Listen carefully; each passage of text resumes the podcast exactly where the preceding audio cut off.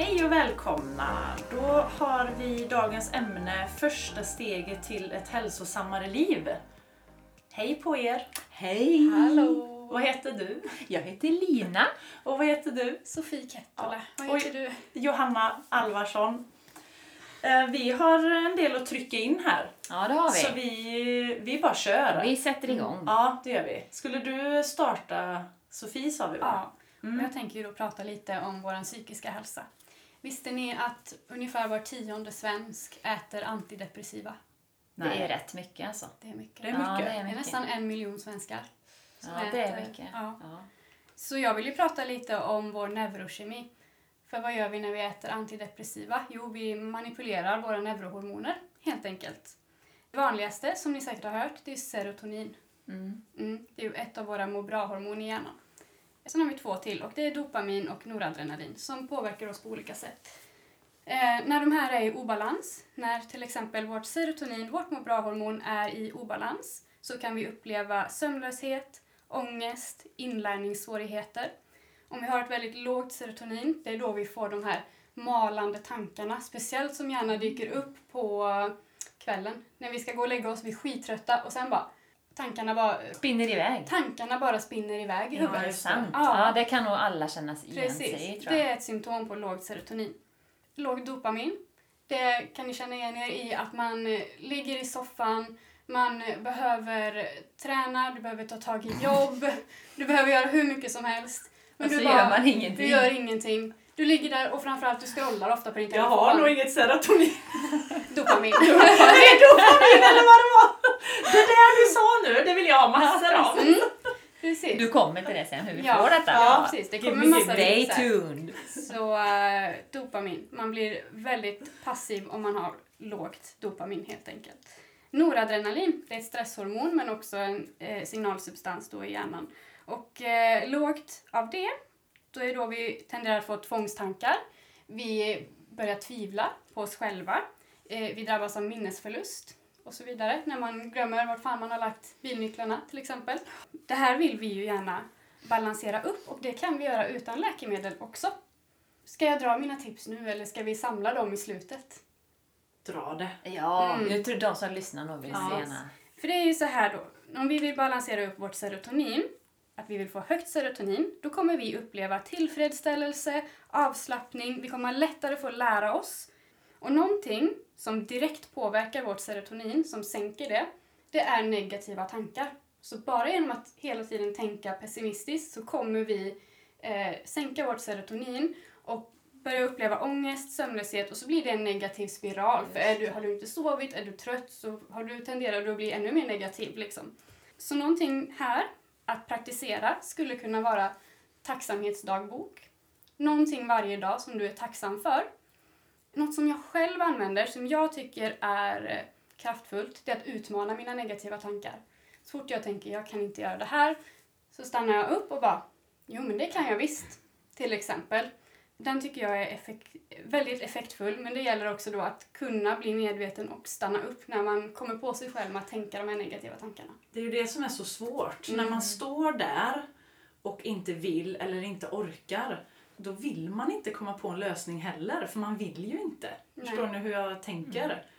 Och det är därför man behöver praktisera dagligen så att det blir till en vana, till en rutin för att sen kommer det ske automatiskt. Gud vad jobbigt. Ja. Men fullt möjligt. Jag måste nog lyssna på den här podden. det här är ju så jag. Ehm, Sen kommer vi ju då till det som du ville ha lite input i Johanna, dopaminet. Varför vi blir så jäkla Jag vill ha allt det där du säger. Ja. Så vad kan man göra om man är så jäkla passiv? Och det är ju det här som folk blir eh, lite såhär, åh, för när du är passiv så vill du inte göra någonting.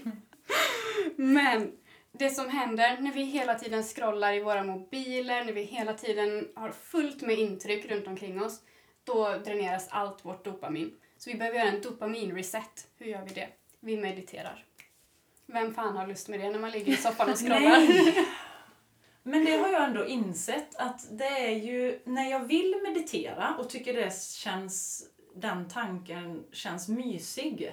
Det är ju då jag behöver det som minst. Mm. Och när jag tycker att bara tanken på att lägga mig och meditera, nej. då vet jag att det är då jag behöver det som mest. Ja. Det, är, det är ett bra mått. När du inte vill meditera, då behöver du det jättemycket. När du tycker att det känns gött, behöver du det inte lika mycket. Ja. Och vi pratade ju om det här med medvetenhet i första avsnittet och det är bara det det handlar om. Att bli medveten om vad du behöver just nu. Du är skitpassiv, du ligger bara i soffan och scrollar. Okej, nu har du fått till dig den här kunskapen. I de situationerna så kommer det gynna dig gott att meditera en stund.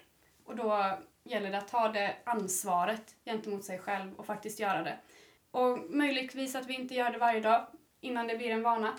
Men varje gång du gör det är en vinst, tänker jag. Precis. Dopamin reset, det vill säga meditation. Sen har vi ju då noradrenalinet. Eh, folk som har eh, obalans i noradrenalinet, de tenderar att glida väldigt mycket i panikångest. Det vi vill göra då, eh, eftersom noradrenalin också är en typ av stresshormon, det är att vi vill sluta med alla stimulanter. Och stimulanter är bland annat koffein, nikotin. Alkohol påverkar alla neurohormoner negativt. Så det vill vi skippa om vi upplever obalans den här perioden. Man är ju inte människa på flera veckor. Nej. Men druckit alkohol, Nej. det är ju helt galet. Så där får man välja när det är värt det helt enkelt. Hushålla med sina resurser. Så det är de tipsen jag har. Tacksamhetsdagbok eller utmana dina tankar, meditation och sluta med stimulanter som stressar dig ännu mer. Jag gillar de här tipsen för de är hands-on och ändå ganska, får man säga enkla? Ja, Eller får man säga, ja men Mm. enkla att förstå. Alltså, Mm. Precis, och genomförbara. De är helt genomförbara. Ville du säga något? Ja, jag vet inte om ja. jag kan prata nu för jag måste hem och adrenalin. Göra allt det här. Ja, precis. Jag måste Ja. ha lite hormoner nu. ja, det är ju mig du pratar om när jag ligger i soffan med min eh, telefon eller Netflix. Liksom. Alltså jag kan ju bli liggandes där länge. Ja, ska jag säga något också då? Ja, Jag blir helt tagen av det här nu. Det här skulle vi tagit innan så att jag visste om det. Nej, det är jättebra. jag Väldigt. säger ju att neurokemi är så intressant. nej jag tycker att det är superintressant. Ja men det är jätteintressant men, Ja. men ibland blir det sen när du börjar prata om det känner man bara men alltså va, det här är bara för mycket, jag kan inte ens ta in detta. Men nu har jag ju suttit här med öppen mun Ja. och bara vill lära mig allting och känner igen Ja. mig och, och så. Och jag tycker det är intressant så länge det är så här på enkelt. Eller vad ska jag säga? Ja, För jag har ju läst det här själv jättemånga gånger men det fastnar inte alla svåra ord och jag med. allting. Men nu när du säger det så enkelt Sofie, det här är guld. Mm. Också för alla som lyssnar. Ja, Ja verkligen. men det är det. eh, nu är vi nyfikna på ditt perspektiv, Johanna. Ja, men det, är väl kroppen jag, jag tänker här. Alltså just man tänker träning och sådär. Bästa tipset är väl att börja smått, skulle jag säga. Alla som kör eh, ett januari-race med att börja träna 3 till 4 dagar, alltså du går från noll till att börja träna 3 till 4 dagar i veckan till exempel. Det slutar ju i noll sen. Alltså det kanske håller i, i två, tre veckor men det blir ju inte så mycket mer. Så vi säger om du kör till exempel tre träningspass i veckan i januari då. Då har du tränat 12 gånger det året. Om du nu då vill säga har uppehåll till nästa januari igen då, vilket är ganska vanligt. Men alltså om du skulle börja med en gång i veckan, då har du ju tränat ungefär 52 gånger. Och det är ju det här långsiktiga som vi eh, liksom ändå vill åt. Och det är så lätt att tro att en gång spelar ingen roll, men det är den gången som är den viktiga. Om man säger gå från noll träningar till att träna en gång. Den träningen är mycket mer värd än när du ökar till två. Det är stor skillnad. Som om man skulle göra en jämförelse till exempel och säga att om du tränar några gånger i veckan då, då får du 0% förbättring av din hälsa. Om du tränar en gång i veckan så har du förbättrat din hälsa med 50%. Om du tränar två gånger i veckan 70%. Förstår ni hur jag Mm. jämförelsen? Men tyvärr så är det väldigt många som också får lära alltså Jag tror fortfarande det är så på en del utbildningar inom friskvård att man, man lär ut att du ska träna två till tre gånger i veckan annars är det ingen idé. Och det är alltså inte sant. Och det är ju det här som folk också blir matade med vilket gör att om du är i en situation i livet där du känner att det är en gång jag får till då struntar du i den. För det är inte värt det, helt enkelt. Sen eh, styrketränar ni någonting nu förresten? Ytterst lite. Nej. Så jag står ju här. Ja, men där har du ju lite vikter och grejer. Tittar du dem eller, på dem eller tar du? Nej, men jag tar i dem. Ja, du tar i dem? Men du är inte tunga, du ser ju Johanna. Nej, men, Det, ser du här också, på armarna. men vi ska ju börja med det. Ja, vi har sagt här innan inspelningen att vi ska ha Johanna som coach Ja, vi får nog coacha varann i både det ena, i olika och, saker. ena och det andra. Just det. Mm. Eh, sen, sen just det här med att börja smått, alltså då, har du ju, då tänker jag ju på kosten och sådär också. Eh, och det tror jag var vi inne på det första gången? Just det här med att man försöker att lägga till bra saker istället för att fokusera så mycket på att ta bort eller vad du inte ska göra. Men då vad du ska lägga till, det kan ju vara till exempel att börja dricka vatten. Mm. Det är många som inte tycker om vatten, helt enkelt. Precis. Ja. Och, då, och då, då är ju det en bra ände att, att börja i.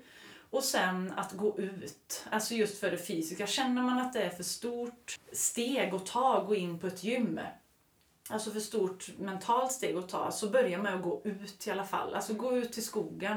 Och även det steget kan ju kännas för stort. Men om du öppnar ytterdörren och bara sticker ut näsan och bara ställer dig och liksom får lite frisk luft och ställer dig på trappan, då är ju inte steget lika stort att faktiskt gå några meter också.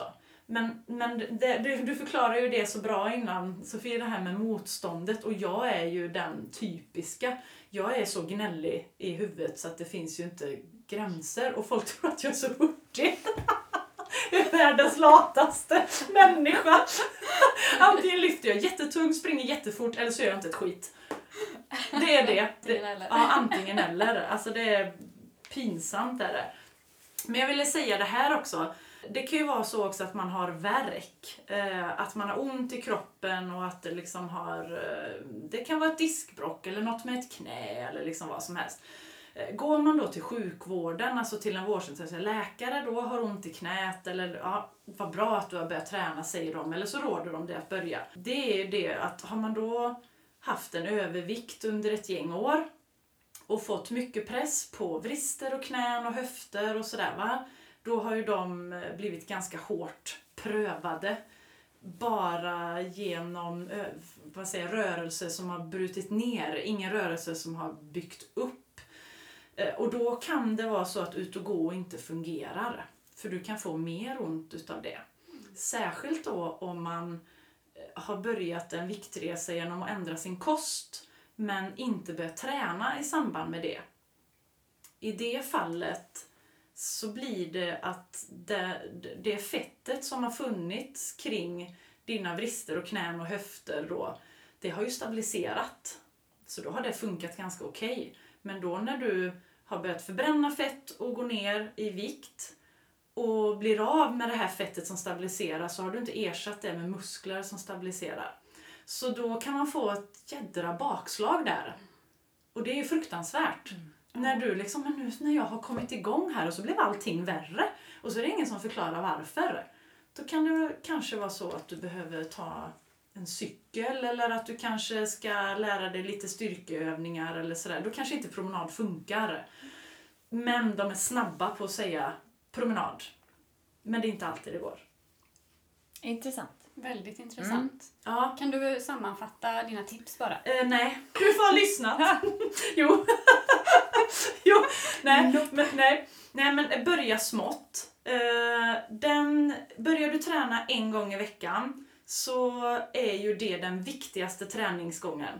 Framför att träna många gånger liksom.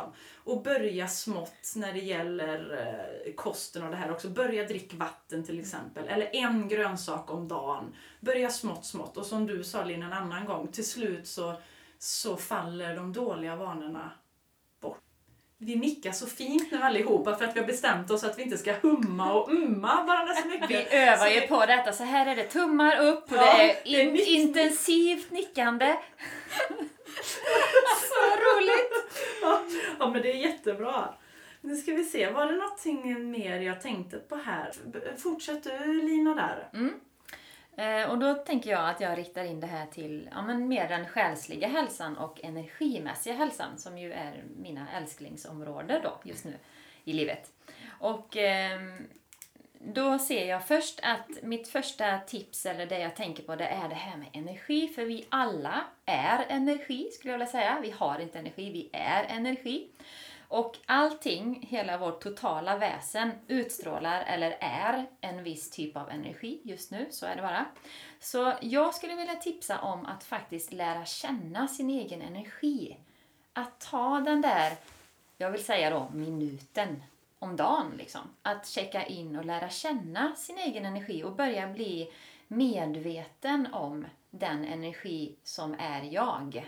Och det är ju det vi säger det totala egentligen här.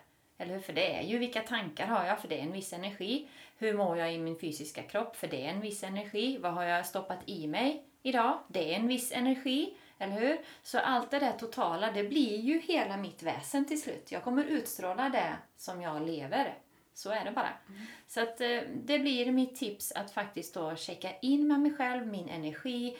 Och när jag gör det så kommer jag börja känna in vad det är som, hur är min energi och vad det är som, hur jag har levt, vad jag inte mår bra av så att säga i min energi.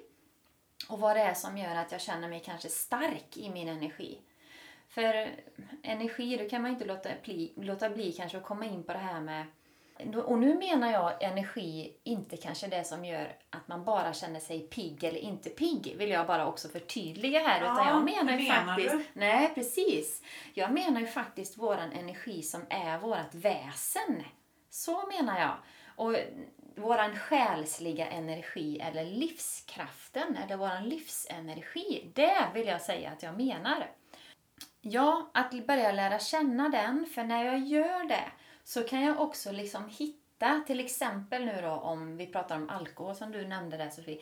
Om det till exempel är så att, ja men just det, jag drack ju alkohol där då för någon dag sedan eller två. Vad är det som gör att min energi känns så funky? Ja, det är nog alkoholen. Att jag kan börja spåra vad det är som gör i min energi som inte känns hundra liksom. För man ska veta också att till exempel när, om vi har ett nedsatt immunförsvar så blir min energi också instabil. Mm. Ja, och ni har hört talas om energitjuvar, det har alla hört talas om, jag lovar. Och också en sån grej att egentligen så är det kanske inte att någon är en energitjuv. För att det handlar om att jag ger dem tillåtelse att komma in i mitt energifält. Och det händer inte om jag sköter mig med det du säger Johanna och med det du säger Sofie. För då är mitt energikraftfält så starkt. Mina gränser och det som är jag. Så att det, jag tillåter inte det att komma in. Och det tycker jag är superspännande. Och ett sånt där praktiskt tips då. Hon räcker upp handen här, vad gulligt. Ja, Sofie? Jag vågar inte säga något heller. Jag bara tänkte eftersom vi ändå nämnde energitjuvar och nu kanske det var det här som du tänkte dela med dig av ett praktiskt tips. Men för de som känner att eh, de har energitjuvar runt sig, hur kan de göra för att eh, behålla sin energi och dra en gräns där? Jättebra. Och det roliga var att jag skulle ge ett praktiskt tips, men inte med tanke på energitjuvar, men det blir ju det också. För jag skulle ju tipsa om det här med andningen, återigen. Eh, alltså att vi kanske blundar om det känns okej, okay, vänder uppmärksamheten inåt och där behöver jag ge tillåtelse till mitt väsen att släppa taget om omvärlden. För det handlar om att jag faktiskt bestämmer mig för att världen klarar sig utan mig en liten stund. För vi är många som lyssnar, kanske också kvinnor, som så gärna vill ha parabolerna utfällda lite. För det kan ju vara något som händer där borta som jag behöver höra. eller barn eller alltså sådana grejer också. Så jag vet när jag började, jag hade alltid alltså headphones eller öronproppar i öronen för att faktiskt stänga ute. Och jag, faktiskt än idag, i morse också, låg jag ju med, även om jag är ensam hemma, så har jag eh, musik i lurar. För jag kan inte riktigt koppla bort annars alltså. Jag lyssnar om det är minsta lilla knäpp eller vad det är. Och jag tror det sker på automatik. Det är inget jag bestämmer. Men att vi då, när jag sätter i antingen öronproppar eller musik, att jag bestämmer mig för att omvärlden får klara sig själv. Jag vänder uppmärksamheten inåt. Jag checkar in med mitt andetag. Jag låter andetaget gå igenom hela kroppen, liksom upp och ner som en lång stor energikanal. Och jag har en övning där som jag har kommit på som jag kallar för lyktstolpen. Så till exempel om jag sitter med någon människa som jag vet är ener energetically challenging, alltså ener energetisk, jag vet inte vad man säger på svenska, energimässigt, Mm. energimässigt utmanande, så sitter jag och lyssnar på mitt andetag. Och jag följer mitt andetag upp och ner som om jag har och är en lyktstolpe av energi som jag liksom är stabil och stadig i. För då är inte min energi ute och skvalpar och som en bläckfisk och håller på och liksom flavar runt i allt annat. Utan då är jag i mitt center. Och det är lyktstolpen och den it works every time. Liksom. Ja.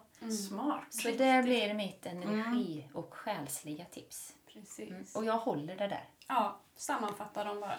Alltså det var ju bara ett tips. Det var ju andetaget, Ja. det energimässiga. Och det var ju den här lyktstolpen som jag kallar den, att vara i den.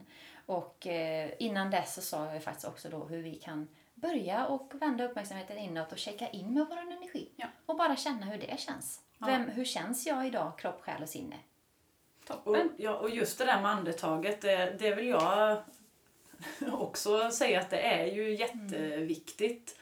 Senast i morse när jag tog bort lite tandsten till exempel så gjorde det ganska ont. Och då tänkte jag flera gånger, ska jag vifta med fingret nu och säga att hon ska sluta? Men jag körde med andningen istället och bara tog mig igenom det. Det är så kraftfullt. Ja. Verkligen.